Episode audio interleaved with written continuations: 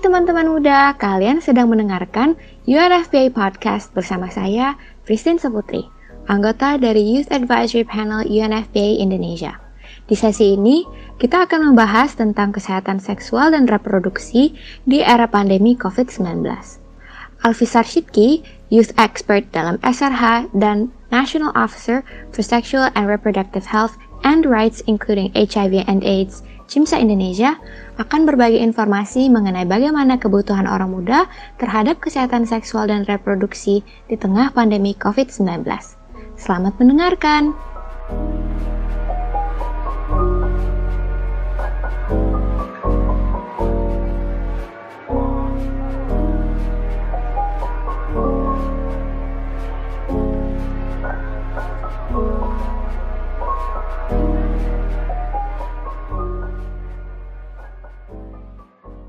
Selamat sore semuanya, nama aku Christine, aku dari Youth Advisory Panel UNFPA Indonesia. Hari ini aku akan menjadi host atau pemandu untuk kegiatan Instagram Live sesi keempat hari ini.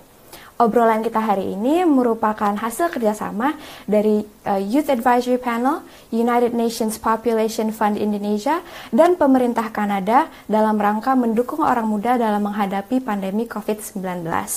Hari ini kita akan memiliki narasumber dari CIMSA Indonesia, Alfisar Shidki. Menunggu pembicara kita, aku ada sedikit informasi yang ingin aku sampaikan.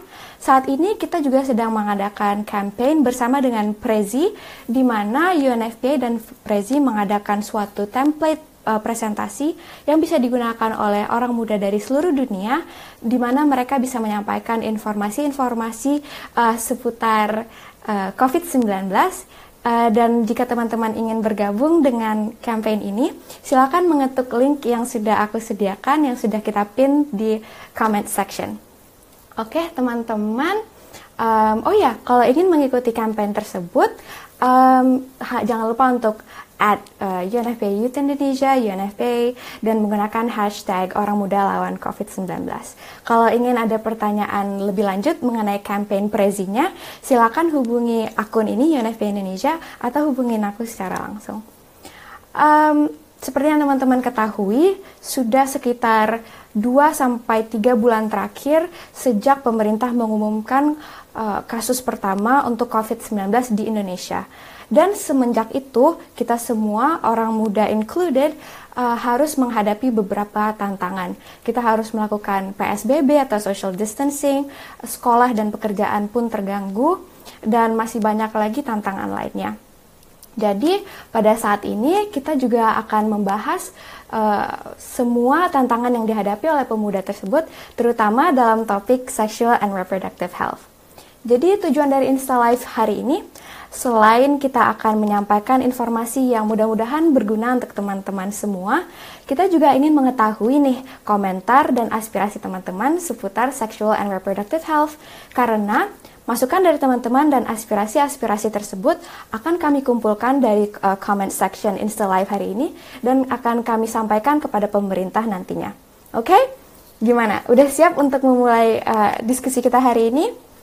Kita tunggu dulu pembicaranya. Teman-teman, uh, ini kita juga diskusi interaktif, jadi silahkan teman-teman sampaikan uh, emoticon senang atau sedihnya mendengar semua informasi yang kita sampaikan hari ini. Oke. Okay. Halo Kak Sidki. Halo Titin. Oke, okay. teman-teman, kita akan memulai uh, diskusi hari ini di mana pembicara kita adalah Alfi Sarshidki. Beliau merupakan uh, National Officer for Sexual and Reproductive Health in, and Rights including HIV AIDS dari CIMSA Indonesia. Hai Shidki, makasih udah join kita hari ini. Ya, halo Kitty, makasih juga ya udah mengundang CIMSA um, dan mungkin saya pribadi untuk mengikuti acara UNFPA hari ini. Oke, okay, thank you. Um, teman-teman, sekali lagi, mungkin bagi, bagi yang baru datang, jangan lupa untuk sampaikan semua aspirasi ataupun pertanyaan teman-teman di comment section supaya kita bisa tampung dan sampaikan apa aspirasi pemuda tentang sexual and reproductive health kepada pemerintah Indonesia. Oke? Okay? Uh, jadi topik kita hari ini Shitki tentang sexual and reproductive health. Um, Shitki bisa tolong jelaskan sedikit tentang apa kesibukan Shitki sekarang dalam topik tersebut? Oh iya, jadi mungkin um, sedikit background di mana aku itu ya organisasi aku pribadi. Jadi um, saat ini aku sedang menjabat suatu jabatan di CIMSA. Jadi CIMSA sendiri itu merupakan kepanjangan dari Center for Indonesian Medical Students Activities, di mana um, CIMSA ini itu adalah organisasi mahasiswa kedokteran Indonesia yang bersifat nasionalis, independen, non politik, inklusif dan non partisan.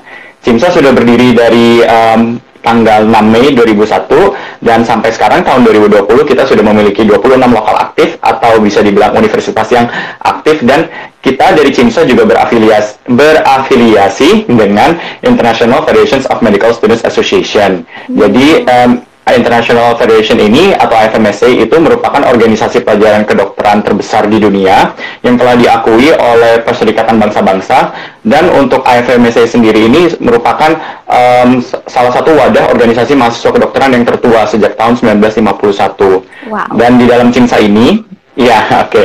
Jadi mungkin um, itu untuk CIMSA-nya tersendiri. Jadi di dalam CIMSA itu ada beberapa bidang kerja nih Kitin gitu. Okay. Jadi di CIMSA ada enam bidang kerja.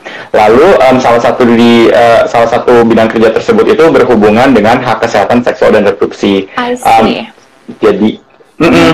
Jadi um, untuk bidang kerja ini istilahnya itu adalah standing committee dan kebetulan untuk tahun ini aku menjabat sebagai kepala atau national officer untuk standing committee on sexual and reproductive health and rights including HIV and AIDS CIMSA Indonesia. Jadi kurang lebih itu untuk latar belakangku dan um, bidang pergerakan organisasi aku mengenai hak kesehatan seksual dan reproduksi. Asik, thank you Shitki penjelasannya. Jadi teman-teman kita uh, tidak perlu takut, tidak perlu ragu, tanyakan saja semua pertanyaan teman-teman hari ini karena kita ada youth expert dalam topik kesehatan seksual dan reproduksi dari CIMSA Indonesia, Alfisa Shitki. Oke, okay, Kak Shitki, uh, kita langsung masuk ke topik pertama. Mungkin kita bisa hmm? jelaskan dulu deh, sebenarnya apa sih kesehatan seksual dan reproduksi itu? Oke, jadi untuk hak kesehatan seksual dan reproduksi mungkin dari teman-teman bisa um, apa ya menerka-nerka dikit ya dari istilahnya sendiri. Jadi um, hak kesehatan seksual dan reproduksi itu pada dasarnya merupakan hak untuk teman-teman mendapatkan informasi ataupun layanan baik dalam pemenuhan hak tersebut atau kebutuhan mengenai kesehatan seksual ataupun kesehatan reproduksi dan di dalam um, hak kesehatan seksual dan reproduksi ini biasanya topik-topik yang berhubungan um, meliputi mengenai kesehatan ibu hamil, maternal health, kesetaraan gender dan um, mungkin juga berhubungan bisa juga berhubungan dengan penyakit menular seksual. Namun HKSR itu lebih luas dari itu karena pada dasarnya HKSR atau hak kesehatan seksual dan reproduksi merupakan suatu bagian dari um, hak asasi manusia das yang mendasari semua manusia gitu. Oke, okay, mm -hmm. thank you penjelasannya Citki. Jadi kesehatan seksual dan reproduksi itu sendiri adalah bagian dari kesehatan fisik dan mental seseorang gitu ya. Dan haknya untuk hmm. memenuhi kesehatan tersebut juga harus dijunjung tinggi sama halnya dengan orang yang mencari uh, akses terhadap fasilitas kesehatan pada umumnya. Hmm, ya, gitu? betul. Jadi kesehatan okay. reproduksi itu uh -uh, nggak beda jauh sama kesehatan pada umumnya gitu. Okay. Aku boleh tolong tanya nggak ya um, saat ini kegiatan CIMSA yang sudah dilakukan untuk mm -hmm. mentackle isu kesehatan seksual dan reproduksi sejauh ini apa saja? Bisa sharing dengan mhm. kita. Oke, jadi um, untuk CIMSA sendiri karena memang kita sudah berdiri cukup lama, jadi kita sudah melakukan banyak aktivitas. Uh-huh. Biasanya dari aktivitasnya sendiri itu dilakukan di tingkat nasional hingga lokal. Uh-huh. Jadi mungkin kalau misalkan di tingkat nasional kita mengadakan campaign-campaign besar untuk memperingati hari-hari um, penting yang berhubungan dengan hak kesehatan seksual dan reproduksi. Mungkin yang um, teman-teman sering mendengar itu kayak ada World AIDS Day atau Hari AIDS sedunia atau mungkin yang baru-baru ini dekat-dekat ini itu kalau nggak salah bulan Maret yaitu International Women's Day gitu. Jadi um, Hari Perempuan Sedunia yang sedunia. Jadi um, dari um, CIMSA Nasional itu kita melaksanakan campaign-campaign itu, kita melaksanakan um, kita dapat melakukan sebuah talk show untuk membawa itu isu tersebut atau kita bisa menggerakkan teman-teman di lokal dengan membuat suatu gerakan yang terstruktur dan masif. Jadi dari satu topik tertentu misalkan International Women's Day pada tahun ini kita membawa tentang cyber violence dan kita melakukan um, campaign secara masif di lokal-lokal mengenai isu cyber gender cyber gender based violence itu. Hmm. Jadi mungkin untuk um, sejauh ini memang sudah banyak aktivitas yang CIMSA lakukan dan memang beragam karena ada ratusan aktivitas hingga ribuan yang dilakukan di lokal-lokal itu tersendiri. Wow, banyak banget. Oke, okay, thank you penjelasannya Sidki. Berarti karena tadi di awal juga dijelaskan CIMSA mm -hmm. sendiri cakupannya udah sekitar 26 universitas di seluruh Indonesia, berarti uh, jangkauan ke masyarakat itu bisa dibilang luas, uh, bisa dibilang sesuai target yang diharapkan mungkin? Ya, um, tentunya um, untuk target yang diharapkan um, kita uh, memiliki moto yaitu empowering medical students dan improving nation's health. Hmm. Tentunya harapan kita adalah dengan cakupan yang kita miliki kita dapat terus-menerus mengempower medical students yang berada di lokal-lokal kita dan juga uh, melalui medical students tersebut yang berada di universitas yang tersebar di seluruh Indonesia kita bisa meningkatkan taraf kesehatan masyarakat sesuai dengan moto. Namun tentunya dari CIMSA kami terus akan terus berusaha untuk uh, melakukan ekspansi dan juga meningkatkan um, apa ya keanggotaan dari universitas yang ada dengan harapan kita bisa mencapai tujuan tersebut yaitu empowering medical students dan improving nation's health. Oke. Okay.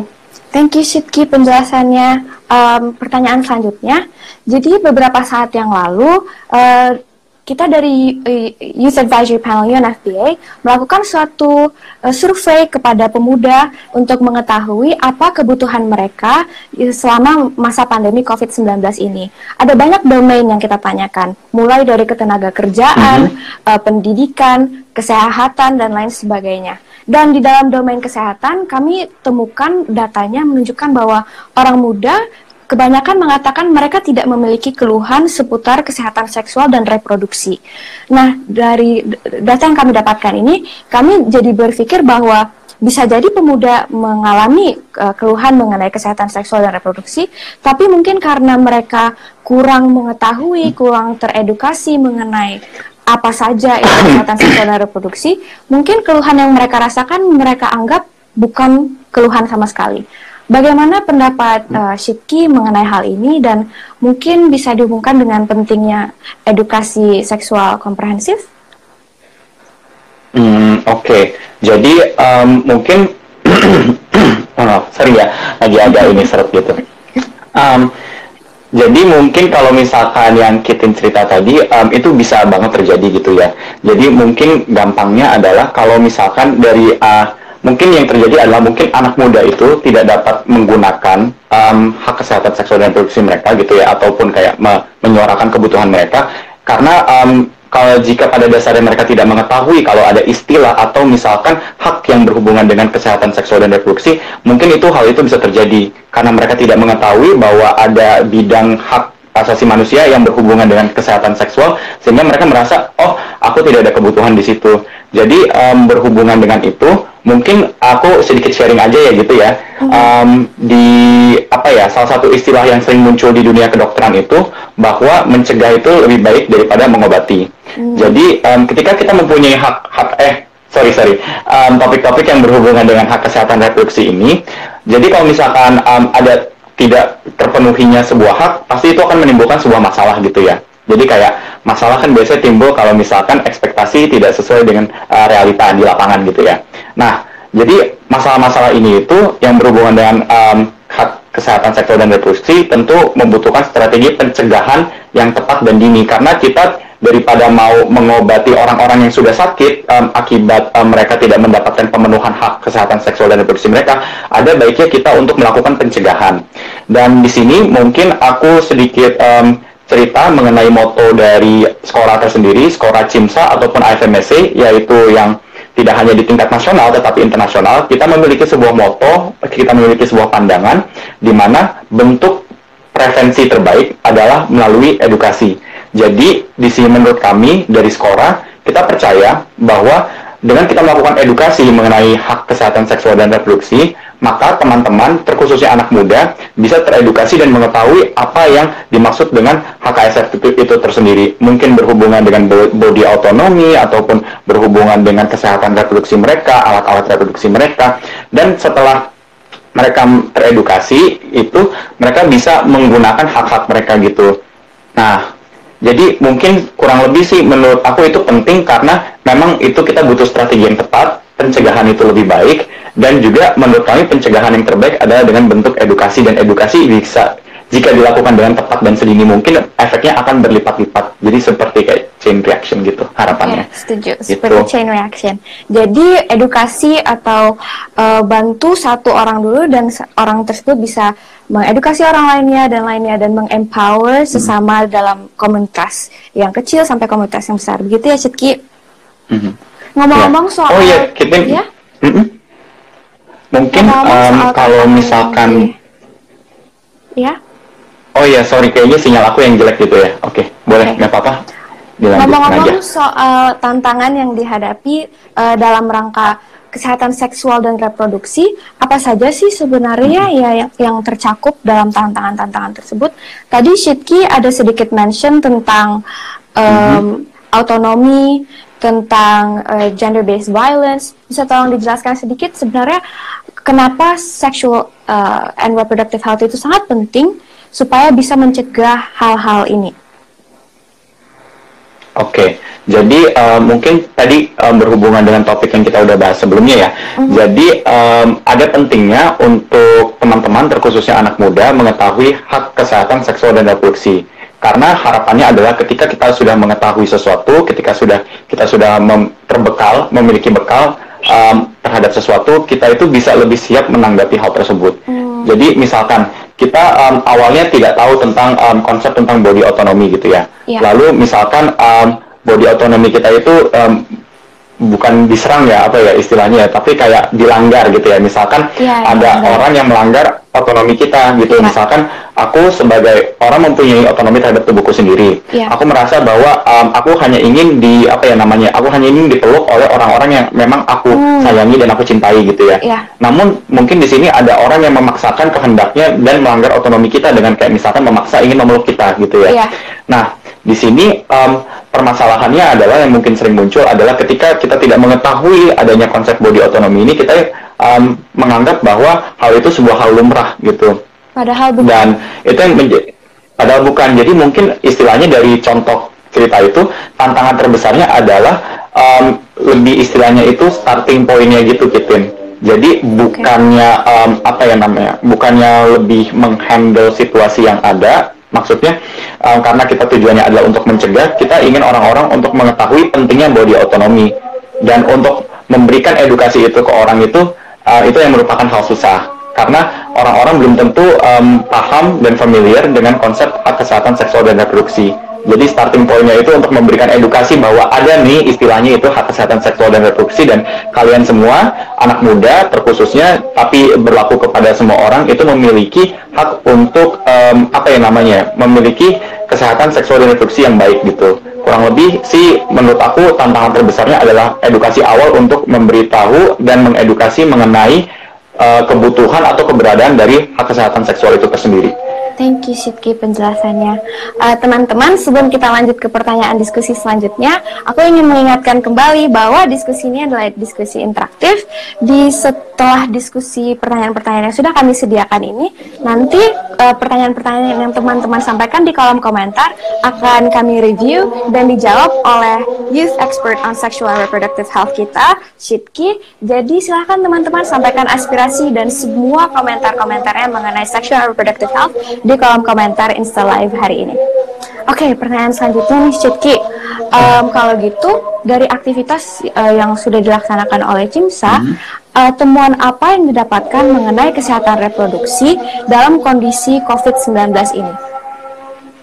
Oh, Oke, okay. um, mungkin kalau misalkan sebelum kita masuk ke temuan, dari aku boleh sharing-sharing dikit ya, mungkin aktivitas yang memang sudah CIMSA lakukan sama masa pandemi ini supaya kita bisa satu pandangan gitu. Uh -huh. Oke, okay, makasih ya Kitin. Mm-hmm. Jadi untuk CIMSA tersendiri, terkhusus ya Skora, um, kita itu sudah melaksanakan aktivitas selama um, walaupun uh, terkendala pandemi COVID itu kita tetap melaksanakan aktivitas dan sekaligus mendukung program pemerintah untuk mencegah penyebaran COVID um, dengan uh, menghormati aturan-aturan PSBB dan yang lain-lain Gitu. Jadi untuk aktivitas yang kita lakukan memang banyak yang bersifat online, um, jadi dalam jaringan. Lalu untuk aktivitasnya itu tersendiri itu um, secara garis besar terbagi menjadi dua layer ya, dua tingkatan gitu. Ada di tingkat nasional dan di tingkat um, universitas yang melaksanakan gitu. Untuk di tingkat nasionalnya sendiri kita itu um, mengadakan sebuah training, sebuah capacity building untuk um, para trainer um, trainer-trainer Skora yaitu namanya Petra peer educator trainer yang um, mempunyai tugas kewajiban untuk menghasilkan pendidik sebaya di tingkat lokal atau universitas. Hmm. Jadi kita melakukan ya, jadi kita mempunyai trainer nih kita nih. Jadi kayak trainer ini juga istilahnya itu ahli-ahli di Skora mengenai um, apa ya namanya HKSR itu tersendiri. Okay. Nah, trainer ini Mm -mm. Di tingkat nasional ini kita mengadakan sebuah training dan capacity building. Jadi tidak hanya mengupgrade mereka, kita juga menghasilkan sebuah mm, pembaharuan modul HKSR di untuk penggunaan di lingkup CIMSA. Jadi modul HKSR ini itu melingkupi comprehensive sexuality education, gender-based violence, maternal health, HIV/AIDS dan gender identity dan lain sebagainya gitu. Hmm. Dan modul ini akan digunakan oleh teman-teman Petra ini trainer di lokal untuk memberikan training lagi di tingkat lokal. Jadi para Petra ini trainer kita menghasilkan uh, istilahnya peer educator atau pendidik sebaya di tingkat lokal pendidik sebaya ini itu juga mempunyai istilahnya um, nilai plus lagi karena di CIMSA karena kita merupakan sebuah mahasiswa kedokteran peer educator ini tidak hanya dibekali dengan konsep peer education hmm. tetapi kita juga dibekali dengan um, apa yang namanya ya um, um, istilah-istilah ataupun um, pengetahuan mengenai dunia kesehatan. Jadi harapannya sinergitas mahasiswa kedokteran ini dan youth itu kita bisa menghasilkan peer education peer educator atau pendidik sebaya yang bisa melakukan pendidikan ke sebayanya lagi di dalam populasi mereka ataupun di lingkup um, apa ya lingkup lingkungan mereka gitu. Jadi um, tingkat sebayanya mereka sendiri gitu. Dan berarti, itu kita semua um, uh, mm -mm, gimana? Berarti um, peer educator ini mereka mendapatkan training mengenai bagaimana untuk melaksanakan mm -hmm. kesehatan seksual dan reproduksi dan mengklaim hak-haknya dengan baik dan selain itu mereka juga bisa menyampaikan kepada sesama teman sebaya dan juga masyarakat luas begitu ya berarti um, mm -hmm. chain iya. reaction yeah. juga domino effect gitu ya Shitki.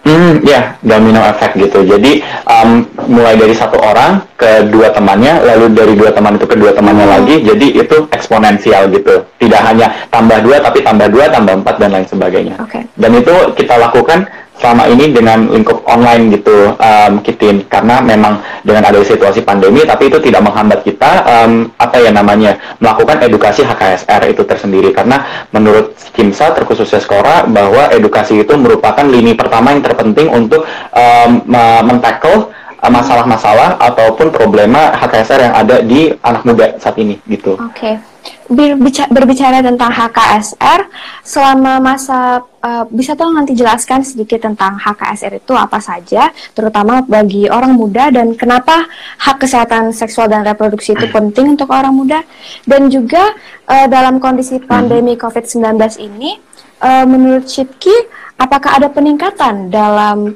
kebutuhan terhadap uh, kesehatan seksual dan reproduksi uh, pada orang muda? Oke, okay. Ya, jadi mungkin kalau misalkan tadi kita udah bahas sedikit tentang pentingnya HKSR gitu ya. Mungkin kenapa itu lebih penting lagi di anak muda karena kalau misalkan kita mengacu kepada data um, tidak hanya di Indonesia tapi juga di secara global ya um, data banyak data yang menunjukkan bahwa permasalahan HKSR terbesar itu terjadi pada rentang usia youth gitu atau mungkin istilahnya remaja gitu ya. Uh-huh. Jadi memang banyak permasalahan yang berhubungan dengan kesehatan seksual dan reproduksi yang tidak terpenuhi ataupun yang kurang itu itu memang dialami oleh anak muda. Maka dari itu memang salah satu fokusnya dari Cimsa dan Skora adalah melalui edukasi dan di sini termaksud ke anak muda sebagai istilahnya kelompok yang um, berdasarkan data tersebut mm, paling membutuhkan edukasi yang tepat dan um, yang benar informasi yang benar mengenai HKSR itu tersendiri. Itu untuk um, pentingnya untuk anak muda itu tersendiri namun uh, pada dasarnya karena HKSR itu hak um, bagian dari hak asasi manusia itu tidak terbatas untuk um, anak muda itu tersendiri. Makanya semua orang itu berhak tahu. Lalu selanjutnya mengenai situasi pandemi COVID um, mungkin dari um, dari CIMSA sendiri um, kita belum mempunyai data yang bisa merepresentasikan ya. Namun kalau kita mengacu kepada data-data yang sudah diberikan oleh lembaga-lembaga yang memang apa ya namanya istilahnya ya mempunyai andil dan mempunyai um, data valid dalam situasi pandemi ini, mungkin kita bisa melihat bahwa um, ada peningkatan dalam masalah hak kesehatan seksual dan reproduksi yang terjadi tidak hanya di Indonesia maupun di global. Hmm. Mungkin contoh globalnya adalah um, istilahnya shadow pandemic yang sedang dikampanyekan um, mm -hmm, yang sedang di um, apa ya istilahnya ya, kampanyekan oleh WHO World, mm. Health, World Health Organization. Jadi di mana um, ada pandemi terselubung di dalam pandemi COVID ini mm. dan salah satu yang dimaksud itu adalah um, ke kekerasan dalam rumah tangga atau gender based violence di dalam lingkup rumah tersendiri yang meningkat.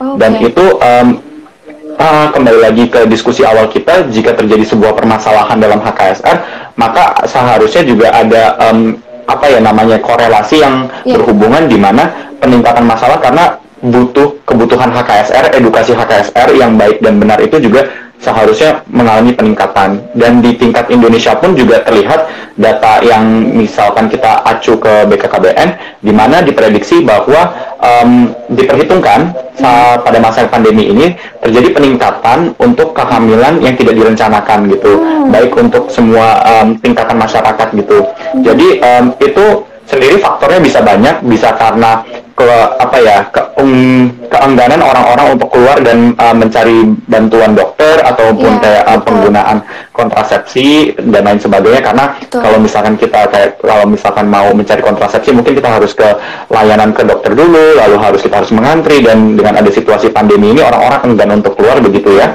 Jadi itu menjadi sebuah permasalahan HKSR yang ada di situasi pandemi ini. Dan menurut aku pribadi um, itu terlihat di mana bahwa pentingnya um, edukasi dalam situasi pandemi karena dari data bisa terlihat bahwa terjadi peningkatan masalah berarti peningkatan kebutuhan terhadap Betul. edukasi yang baik mengenai hak kesehatan seksual dan reproduksi.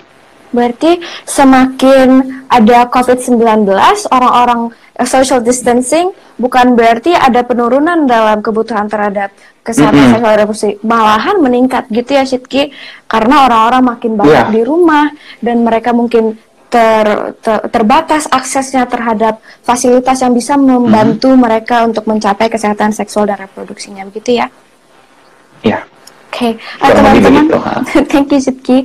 Teman-teman, aku sekali lagi mengingatkan, silahkan sampaikan semua pertanyaan dan aspirasi yang teman-teman miliki terhadap topik seksual dan reproduksi di kolom komentar dan semua komentar teman-teman tersebut akan kami tampung dan uh, mudah-mudahan dapat sampaikan kepada pemerintah. Baik, um, pertanyaan selanjutnya. Jadi um, mm -hmm. ada kondisi uh, pandemi COVID-19 nih, Sitki. Dan setelah itu mhm. orang-orang mm -hmm. akan memasuki suatu uh, kondisi baru, namanya kenormalan baru atau new normal. Bagaimana pandangan Sitki terhadap kebutuhan orang muda terhadap um, mm -hmm. uh, oh maaf, bagaimana uh, peran CIMSA nantinya dalam mendukung SRH pemuda di masa new normal yang akan datang? Oke, okay. Um, jadi kalau misalkan untuk masa new normal yang mendatang, tentunya dari CIMSA kita akan terus melakukan aktivitas um, dan proyek um, baik inovasi ataupun pelaksanaan kampanye-kampanye yang mendukung um, dalam meningkatkan awareness um, mengenai hak kesehatan seksual dan reproduksi ini sendiri tersendiri. Um, untuk kampanyenya dari kami pribadi um, dari CIMSA, um, Skora ataupun Komite Nasional Skora yaitu National Committee on Skora, NKORA itu sudah merencanakan beberapa kampanye seperti um, yang kita bahas di awal tadi Hari AIDS Sedunia, um, International Women's Day, lalu juga uh, direncanakan ada kampanye yang berhubungan dengan Sexual and Reproductive Health Awareness Day itu tersendiri. Hmm. Jadi karena memang Skora itu bidangnya adalah mengenai hak kesehatan seksual dan reproduksi, memang kampanye-kampanye kita akan difokuskan ke bidang-bidang maaf kayak topik-topik atau subtopik yang uh, berada di lingkup kesehatan seksual dan reproduksi ini tersendiri.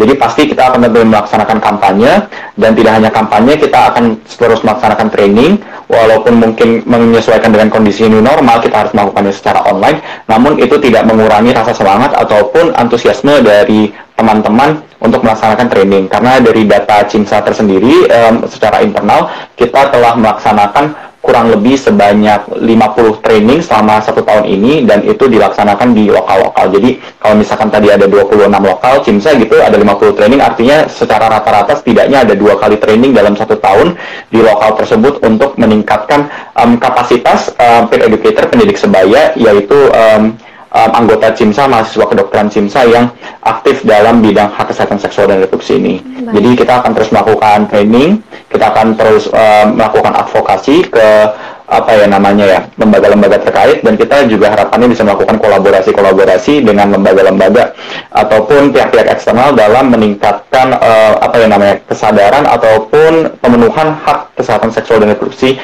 baik untuk anak muda ataupun untuk um, banyak orang lagi gitu. Oke, okay. thank you Sidki. Berarti nanti di masa new normal justru akan menjadi semakin gencar ya untuk menyampaikan lagi hak-hak um, orang muda terhadap uh, kesehatan seksual dan reproduksinya. Karena orang muda bukan suatu makhluk aseksual yang tidak memiliki keinginan-keinginan manusiawi begitu ya. Tetap harus diakui mhm. dan tetap harus dibantu, difasilitasi oleh tenaga kesehatan, oleh keluarga, oleh teman dan siapa pun yang bisa membantu mereka. Mm -hmm. Oke, okay. um, yeah. sekarang kita akan masuk ke sesi yang paling seru. Kita masuk ke sesi untuk tanya jawab. Jadi tadi teman-teman mungkin udah ada beberapa uh, pertanyaan. Ini ada pertanyaan dari Ad Hafiz 77. Selama pandemi COVID-19, kehamilan meningkat. Menurut Cimsa, apa yang dapat dilakukan? Oke, okay, uh, eh, itu aja pertanyaannya. Uh mhm. -huh. Oke, okay. jadi uh, mungkin selama pandemi ini um, ada kalau berdasarkan data yang tadi um, BKKBN ya contohnya ya kehamilan itu meningkat gitu ya. ya. Jadi mungkin apa yang bisa Cimsa lakukan karena memang di sini Cimsa itu lingkupnya adalah mahasiswa kedokteran. Jadi mungkin yang kita bisa lakukan itu adalah kita bisa melakukan edukasi, um, um, melakukan komunikasi informasi dan edukasi kepada masyarakat gitu ya. Hmm. Terkhususnya di sini adalah kelompok-kelompok yang um, bisa dibilang um, bukan rentan tetapi yang kemungkinan besar um, apa ya ya mungkin rentan ya istilahnya rentan untuk menga uh, mengalami kehamilan pada situasi pandemi ini. Mm.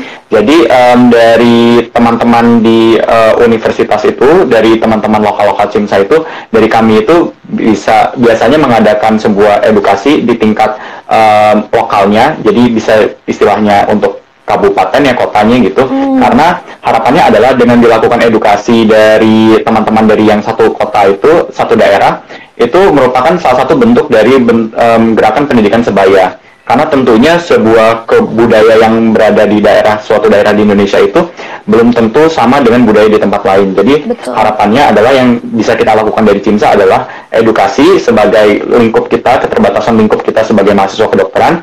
Mungkin kita bisa mendatangkan fasilitator, yaitu tenaga-tenaga kesehatan yang lebih ahli, mm -hmm. untuk melakukan edukasi juga, membantu kami uh, dalam uh, menangani uh, permasalahan kehamilan. Dan jika itu merupakan sebuah permasalahan ya, kalau misalkan itu direncanakan tidak apa-apa, tapi yeah. kalau misalkan itu istilahnya mungkin tidak direncanakan dan merupakan sebuah permasalahan, itu bisa dilaksanakan oleh teman-teman yang berada di lokal tersebut karena harapannya mereka lebih mengerti situasi dan medan yang berada uh, di masyarakat uh, di lingkungan itu gitu. Jadi dari CIMSA akan terus melakukan uh, edukasi baik itu dari tingkatan um, lembaga, memfasilitasi lembaga maupun dari teman-teman CIMSA itu tersendiri. Lagi-lagi kembali ke edukasi ya Shipki tentang bagaimana pentingnya hmm. untuk menjaga kesehatan seksual dan reproduksi sendiri untuk menghindari kehamilan yang tidak diinginkan, gitu ya? Ya. Oke, okay. next question. Um, apa saran yang bisa dibagikan agar teman-teman difabel juga bisa mendapatkan informasi mengenai kesehatan reproduksi? Silahkan. Oke, okay, baik. Jadi, Oke, makasih buat pertanyaannya. Jadi mungkin untuk hak kesehatan seksual dan reproduksi itu mungkin kembali lagi merupakan bagian dari hak asasi manusia juga pada dasarnya. Betul. Jadi untuk aksesnya itu seharusnya itu seharusnya ya idealnya ya dari Ideal. seluruh uh, tatanan masyarakat itu kita bisa ikut apa ya namanya berkolaborasi bersinergis untuk melakukan edukasi baik itu dari um, tingkat um, mungkin lembaga-lembaga um, non pemerintah ataupun dari pemerintah sendiri dan lain sebagainya. Mm-hmm. Mungkin um, pendidikan yang bisa didapatkan untuk kesehatan reproduksi salah satu yang paling pertama adalah dari pendidikan dasar yang ada yang diselenggarakan oleh pemerintah itu tersendiri. Mm-hmm. Namun mungkin untuk spesifik difabel, mungkin kalau dari CIMSA saat itu um, untuk CIMSA tersendiri kita memiliki apa ya aktivitas inovasi aktivitas di mana kita mendatangkan um, kita mendatangi sebuah memang sekolah yang luar biasa gitu ya, di mana kita melakukan edukasi yang spesifik mengenai hak kesehatan seksual dan reproduksi. Itu mungkin yang bisa dilakukan untuk um, dari lembaga-lembaga non pemerintah. Namun untuk teman-teman yang memang membutuhkan, mungkin bisa um, mendapatkannya dari lembaga-lembaga um, terkait gitu ya, lembaga-lembaga yang memang merupakan kredibel um, yang sudah kredibel dan sudah diberikan uh, istilahnya hak ataupun penugasan dari um, negara yang memang untuk uh, mempunyai kewenangan, kewenangan ya istilahnya, maaf tadi lagi nyari kata, kewenangan untuk memberikan edukasi gitu, terkhususnya buat teman-teman um, difabel gitu. Tapi mungkin uh, untuk dari saya tersendiri karena memang kita lingkupnya sangat luas, kita berusaha untuk mencakup um, seluruh um, tatanan masyarakat dan mungkin saran-saran seperti itu yang memang dibutuhkan oleh teman-teman yang um, bergerak di bidang hak kesehatan seksual dan reproduksi untuk um, selalu memperhatikan kebutuhan-kebutuhan hak kesehatan seksual dan reproduksi untuk banyak orang uh, terlepas dari latar belakang atau kondisi mereka. Mungkin itu yang bisa bisa istilahnya dijadikan saran buat kita semua gitu ya. Berarti pertama-tama langkah yang harus dilakukan adalah pertama mengaknowledge atau mengetahui, mengakui bahwa teman-teman difabel juga memiliki hak yang sama terhadap kesehatan seksual dan reproduksi seperti kita pada umumnya. Dan pertama dengan kita mengetahui mm-hmm. atau kita mengaknowledge hal tersebut akan lebih mudah untuk uh, memberikan fasilitas atau layanan yang mereka butuhkan. Gitu ya, Sidki? Setuju? Ya, kurang lebih begitu. Ada pertanyaan lagi nih kalau ada yang tertarik untuk menjadi pendidik sebaya, bagaimana caranya untuk bergabung? Bisa nggak ya, Siti? Oke. Okay. Oke, okay, makasih buat pertanyaannya. Seru banget nih ya. Uh -huh. um, semangat sih bisa ngelihat uh, teman-teman kayak tertarik soal pendidik sebaya yeah. untuk saat ini sendiri um, di Cimsa kita jadi mempunyai dua istilah ada istilahnya trainer yang istilahnya para orang yang memberikan training kepada meng pendidik sebaya ini dan pendidik sebaya itu tersendiri ya. Untuk menjadi seorang trainernya ini um, mungkin untuk saat ini memang baru terbatas untuk para anggota CIMSA itu tersendiri. Hmm. Nah, harapannya ke depannya mungkin kita bisa melakukan ekspansi, kita bisa membuat um, sebuah komunitas Petra, tidak hanya Petra istilah trainer dari sekolah itu tersendiri, hmm. jadi kita tidak hanya melip melibatkan um, teman-teman di CIMSA, cuman mungkin di luar, luar eh, di luar dari CIMSA. Namun untuk saat ini mungkin masih terbatas untuk teman-teman di CIMSA itu tersendiri. Mm-hmm. Tapi um, untuk um, menjadi seorang pendidik sebaya, mungkin um, kalau misalkan pendidik sebaya itu sebenarnya bukan sebuah gelar, yeah. tapi lebih ke istilah istilah pada umum ya gitu, ya, di mana seseorang sebaya melakukan uh, edukasi kepada sebayanya yang lain gitu ya, yeah. di mana dia istilahnya adalah pendidik sebaya gitu ya. Mm-hmm. Um, di sini jika teman-teman um, ingin istilahnya ikut berkontribusi dari CIMSA terkhusus ya Skora itu memberikan istilahnya um, apa ya namanya ya um, wadah, yeah. di mana dari Skora itu kita melaksanakan training di tingkat lokal. Jadi kita punya local peer education training dengan tujuan melakukan pendidikan ke teman-teman jika teman-teman itu ingin upgrading dan menjadi pendidik sebaya bagi sebayanya gitu. Hmm.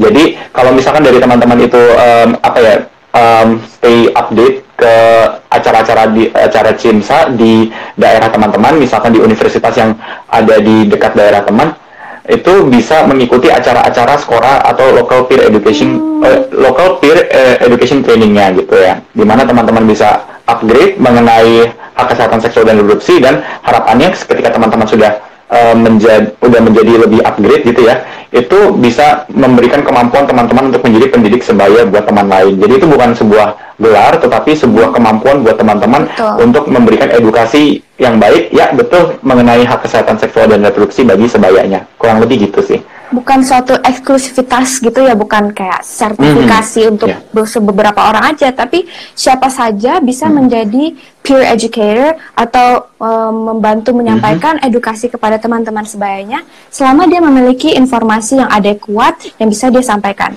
Jadi misalnya aku sendiri yang bukan merupakan peer educator, selama aku mau belajar lebih banyak lagi tentang sexual and reproductive health dan mengenai hak-hak aku terhadap itu, apa yang aku apa yang informasi yang aku miliki bisa aku sampaikan kepada teman-teman aku uh, seterbatas apa pun yang aku miliki tersebut gitu ya.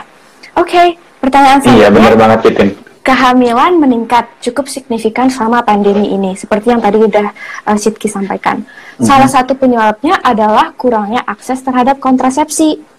apa sih peran yang bisa diambil oleh CIMSA supaya kontrasepsi tersebut tetap bisa diakses?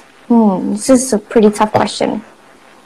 Mm-hmm. Jadi mungkin kalau misalkan dari CIMSA tersendiri, karena kembali lagi untuk CIMSA, memang keterbatasan kita adalah kita adalah mahasiswa, eh mohon maaf, organisasi mahasiswa kedokteran, di mana um, pada tingkatan kita aktif di CIMSA, kita uh, terbatas dengan lingkup yang bisa dilakukan oleh mahasiswa kedokteran. Mm-hmm. Di sini tentunya mahasiswa kedokteran belum um, bisa uh, apa ya namanya melakukan pelayanan yang bersifat dengan bidang kesehatan, karena itu merupakan kewenangan seorang dokter, terkhususnya mungkin um, dokter-dokter ya yang mungkin yang terkait dengan apa ya namanya ya pemenuhan kontrasepsi mungkin yeah. bisa um, dengan spesialis-spesialis tertentu. Yeah. Lalu uh, di sini peran yang Cinta tetap ambil, jadi kembali lagi kita melakukan edukasi. Um, di sini menurutku edukasi itu um, tidak hanyalah edukasi semata, karena di sini peran penting edukasi adalah kita bisa memberikan um, insight atau pandangan-pandangan mengenai layanan-layanan yang bisa diakses dalam waktu pandemi ini gitu.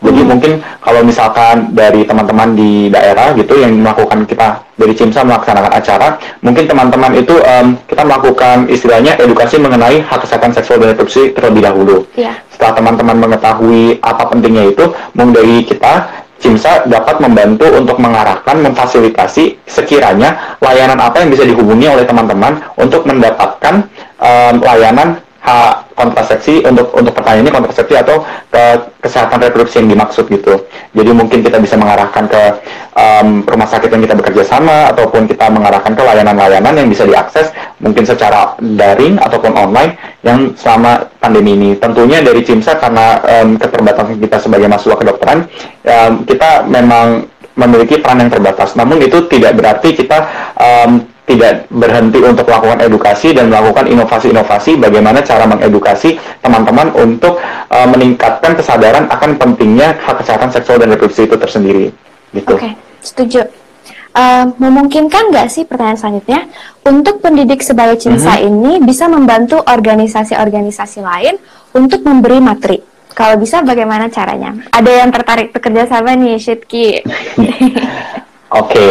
Jadi kalau misalkan dari pendidik sebaya ini mungkin kalau untuk pendidik sebayanya karena itu bukan sebuah gelar kayak itu kan istilahnya um, apa ya istilah yang digunakan untuk teman-teman yang melakukan edukasi gitu ya. Yeah. Namun memang betul uh, mungkin aku sedikit membenarkan dari CIMSA itu kita memiliki peer educator trainer. Jadi kita punya trainer yang melakukan trainer. edukasi ke para Okay. Mm -mm, trainernya yang melakukan edukasi pada para calon pendidik sebaya yang akan melakukan edukasi ini gitu ya. Mm -hmm. Jadi dari Petra sendiri itu sudah terstandarisasi dari uh, CIMSA, tentunya dengan apa ya namanya modul-modul dan training yang sudah uh, mengikuti istilahnya landasan-landasan yang diambil dalam lingkup peer education yang ada di um, di apa ya istilahnya yang digunakan secara global. Salah satunya adalah kita um, melandaskan referensi dari dokumen peer education yang dirilis oleh UNFPA pada tahun 2006 kalau tidak salah ya.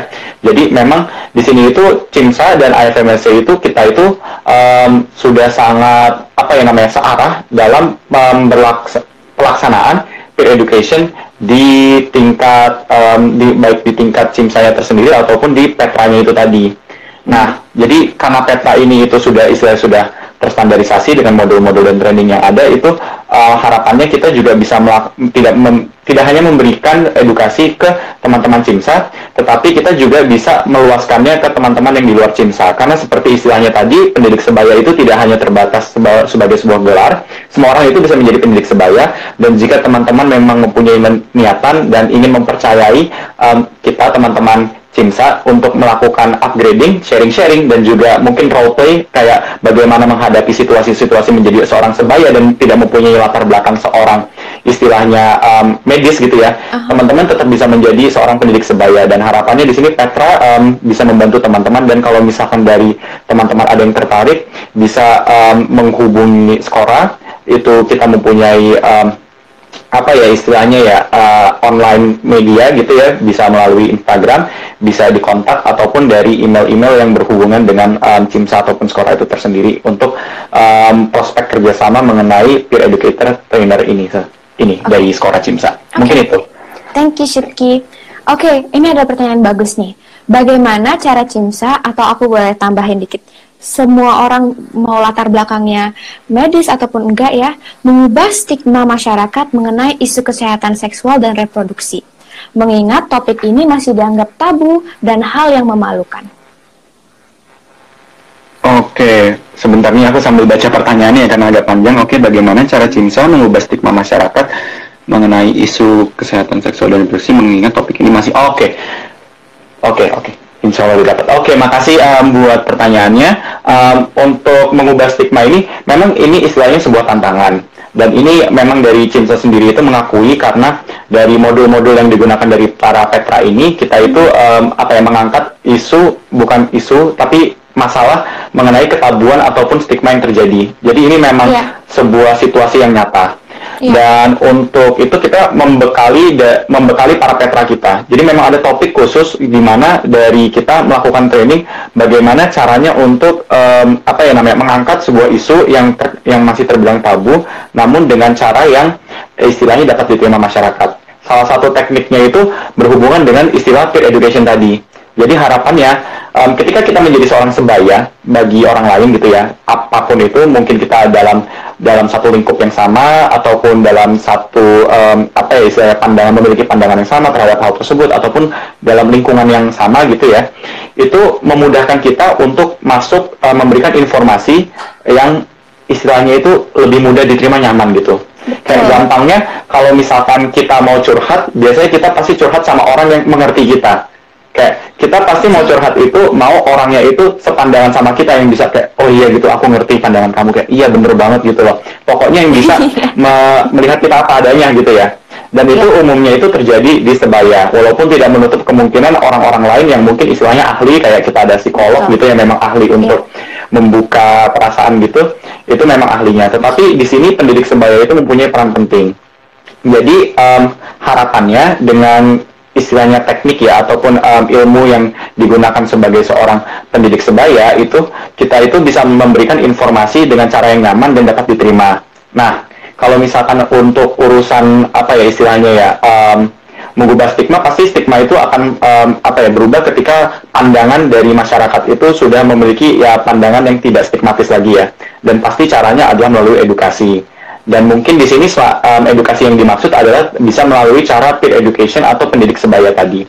Namun mungkin yang perlu aku garis bawahi um, karena pendidik sebaya itu adalah pada dasarnya sebaya, di sini perlu pembekalan dari para pendidik sebaya untuk memberikan informasi yang baik dan benar sehingga stigma ini itu dapat terselesaikan dengan benar gitu.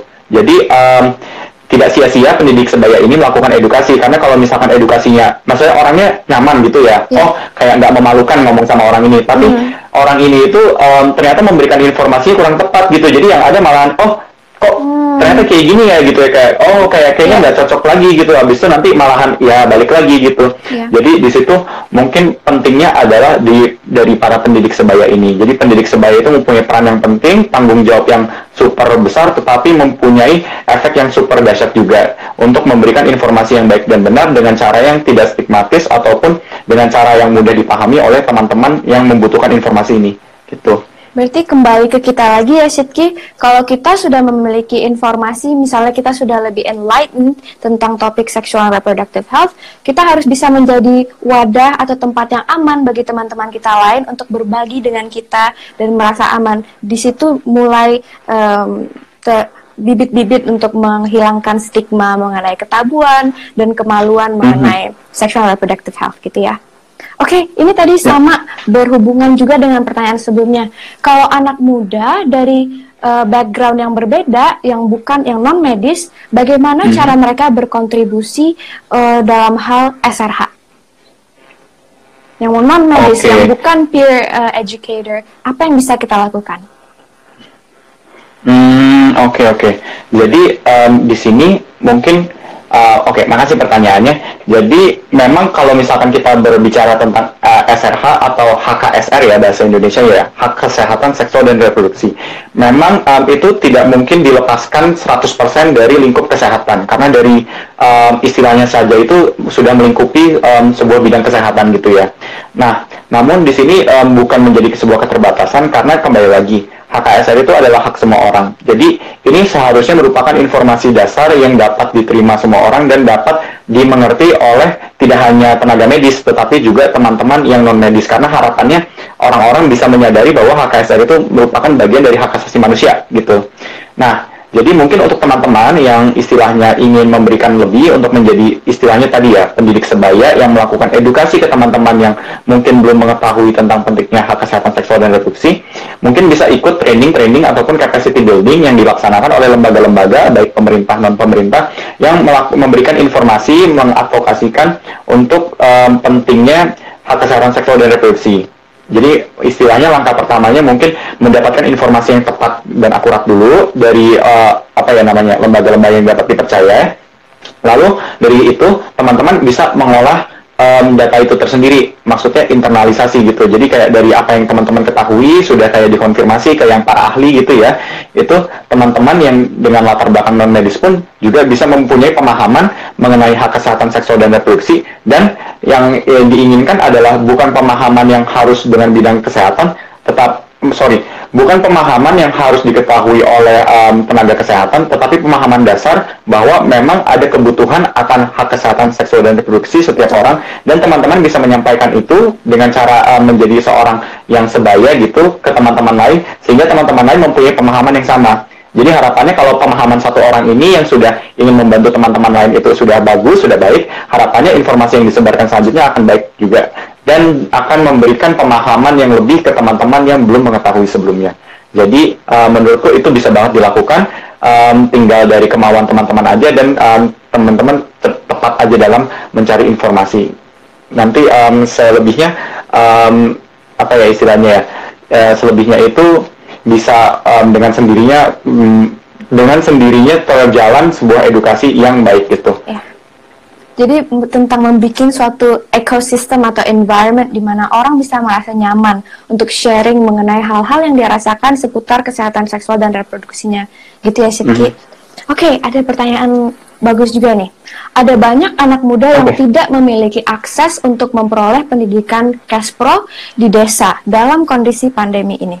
Apa upaya yang mm-hmm. bisa dilakukan oleh para peer educator untuk memenuhi hak kesehatan seksual dan reproduksi tersebut?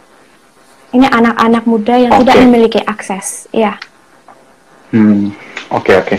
um, jadi mungkin kalau di sini um, aku um, karena latar belakang aku sebagai uh, apa ya namanya bagian dari CIMSA, mungkin aku hanya bisa memberikan istilahnya apa yang bisa dilakukan oleh CIMSA gitu ya, Pak. Karena um, kembali lagi untuk hak kesehatan seksual dan reproduksi itu tidak hanya merupakan tanggung jawab satu dua lembaga, tetapi merupakan kesinambungan dari kita semua, di mana kita mempercayai bahwa um, hak kesehatan seksual dan reproduksi itu harus diketahui semua orang dan harus dipahami dan ditegakkan, dipertahankan gitu ya bersama-sama. Um, untuk teman-teman dari desa, mungkin um, di sini uh, mungkin dari teman uh, dari lembaga-lembaga bisa istilahnya bisa menjadi masukan bagi kita semua gitu ya tidak hanya untuk CIMSA mungkin untuk teman-teman dari um, lembaga lain untuk mungkin bisa melirik teman-teman di desa kita bisa melakukan edukasi yang lebih um, kita dengan cara jemput bola gitu ya langsung mendatangi mereka gitu ya. Namun um, kalau misalkan di link kalau misalkan itu kan istilahnya kita yang datang langsung gitu ya jadi dari istilah dari lembaga lain atau misalkan CIMSA kita melakukan edukasi ke teman-teman desa gitu yang mungkin tidak bisa mengakses gitu ya. Tapi kalau misalkan dari kita tidak bisa melakukan jemput bola gitu, dari CIMSA tersendiri kita secara aktif melakukan advokasi karena kita advokasi karena kita dari CIMSA memiliki istilahnya dokumen-dokumen um, policy gitu ya, hmm. um, seperti lembaga-lembaga lain di mana kita memang sudah berkomitmen untuk melakukan apa ya namanya advokasi atau mena menaikkan kesadaran akan isu-isu hak kesehatan seksual dan reproduksi. Jadi kita melakukan advokasi tidak hanya ke lembaga pemerintah, tetapi lembaga-lembaga non pemerintah, di mana kita mengajak dari teman-teman lembaga lain ini untuk secara aktif kita bisa berkontribusi ke teman-teman yang memang membutuhkan hak edukasi ataupun layanan hak kesehatan seksual dan reproduksi yang memang belum bisa tercapai uh, atau misalkan masih menjadi sebuah masalah untuk lingkungan tersebut gitu. Jadi mungkin eh, ya untuk programnya tersendiri itu bisa dari kita secara aktif atau mungkin dari kita bisa mensupport mendukung gerakan gerakan-gerakan yang mendukung sebuah persebaran ataupun kemajuan dari persebaran informasi tersebut mengenai hak kesehatan seksual dan reproduksi. Oke, okay. pertanyaan terakhir, Shitki. Ada pertanyaan, how do we educate our friends, family, and society around us how important is sexual health? Mm -hmm. Oke, okay. jadi yang uh, kalau menurut aku pribadi ya uh, mungkin itu paling gampangnya itu it starts within ourselves gitu ya. Hmm. Tentunya sesu sesuatu itu harus mulai dari um, ya pasti somewhere gitu itu harus dimulai dari um, satu titik gitu tentunya. Dan di sini kalau misalkan dari teman-teman um, ada memiliki seorang apa yang namanya kerabat atau misalkan teman lain atau orang-orang yang teman-teman um, ingin um, bagikan informasi mengenai kesehatan seks, hak kesehatan seksual dan reproduksi, tentunya harus mulai dari teman-teman uh, sendiri. Semangat itu merupakan semangat yang akan menjadi um, sebuah gerakan aksi nyata. Jadi dari teman-teman bisa pertama-tama melakukan um, apa yang namanya ya um, melakukan pencarian informasi, upgrading, training, capacity building, banyak yang bisa teman-teman lakukan gitu. Yang penting pastikan informasinya udah benar, udah update gitu ya. Nanti kalau misalkan teman-teman udah update nih, udah teredukasi nih, kayak udah lebih ngerti gitu ya, lebih oke, okay, lebih mantap. Nanti dari teman-teman, karena yang pasti ini kan um, ke istilahnya uh, kamu mau mengedukasi orang-orang yang kamu kenal gitu ya dan dalam lingkup itu kamu itu sebenarnya udah sembayanya mereka gitu ya. Karena kali, kamu itu dengan memiliki hubungan dengan dia pasti mempunyai suatu lingkup di mana kalian itu sebaya gitu ya. Nah jadi ini merupakan istilahnya uh, apa ya namanya ya um, kembali lagi ke teman-teman untuk bisa menyampaikan informasi ini karena yang mengenali mereka lebih baik dibandingkan orang-orang yang mengedukasi adalah kalian sendiri gitu ya. Jadi ini kembali lagi ke teman-teman untuk bagaimana caranya uh, membungkus apa yang teman-teman sudah dapatkan informasi yang didapatkan sehingga bisa diterima oleh para orang-orang yang mau diedukasi tadi gitu. Jadi itu kembali lagi ke cara penyampaiannya tadi dan ke, dengan konsep dari pendidikan sebaya. Karena uh, menurut uh, apa ya data-data yang riset-riset yang telah dilakukan mengenai bentuk-bentukan pendidikan yang berhubungan dengan hal-hal yang stigmatis dan tabu memang um, dapat uh, sudah mencapai sebuah kesimpulan bahwa pendidikan sebaya itu merupakan salah satu alat yang efektif dalam melakukan edukasi ini gitu. Jadi mungkin dari teman-teman itu bisa ikut banyak upgrading, bisa lebih self upgrade dan yeah. semoga hal tujuannya bisa tercapai gitu. Thank you Sidki. Intinya kembali ke diri kita, kita harus mengedukasi hmm. diri kita sendiri dan setelah kita mengedukasi diri kita, kita bisa sampaikan kepada orang-orang yang terdekat kepada kita. Um, thank you so much okay. Sidki untuk diskusinya hari ini. Mm-hmm. Teman-teman mm-hmm. semua yang sudah aktif berinteraksi dengan kita menyampaikan aspirasinya dan pertanyaan-pertanyaannya. Um, terima kasih kita sudah tampung semuanya dan nanti akan kita sampaikan kepada pihak-pihak yang dapat make a difference bagi pemuda dalam kondisi COVID-19.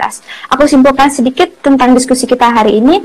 Jadi sexual and reproductive health itu sangat penting untuk orang muda if anything lebih penting untuk orang muda karena kita adalah kelompok usia yang uh, paling membutuhkan informasi yang uh, akurat mengenai hal tersebut. Dengan demikian, hal yang paling dapat kita lakukan adalah mengedukasi diri kita sendiri dan teman-teman di sekitar kita, teman-teman sebaya kita tanpa memiliki suatu uh, stigma, tanpa memiliki suatu um, pandangan yang menghakimi mengenai kesehatan seksual dan reproduksi mereka dan dengan demikian kita dapat membuat environment atau lingkungan yang lebih mendukung lagi dan lebih memberikan lebih mendukung lagi dan lebih inklusif terhadap kebutuhan-kebutuhan seksual dan reproduksi orang muda.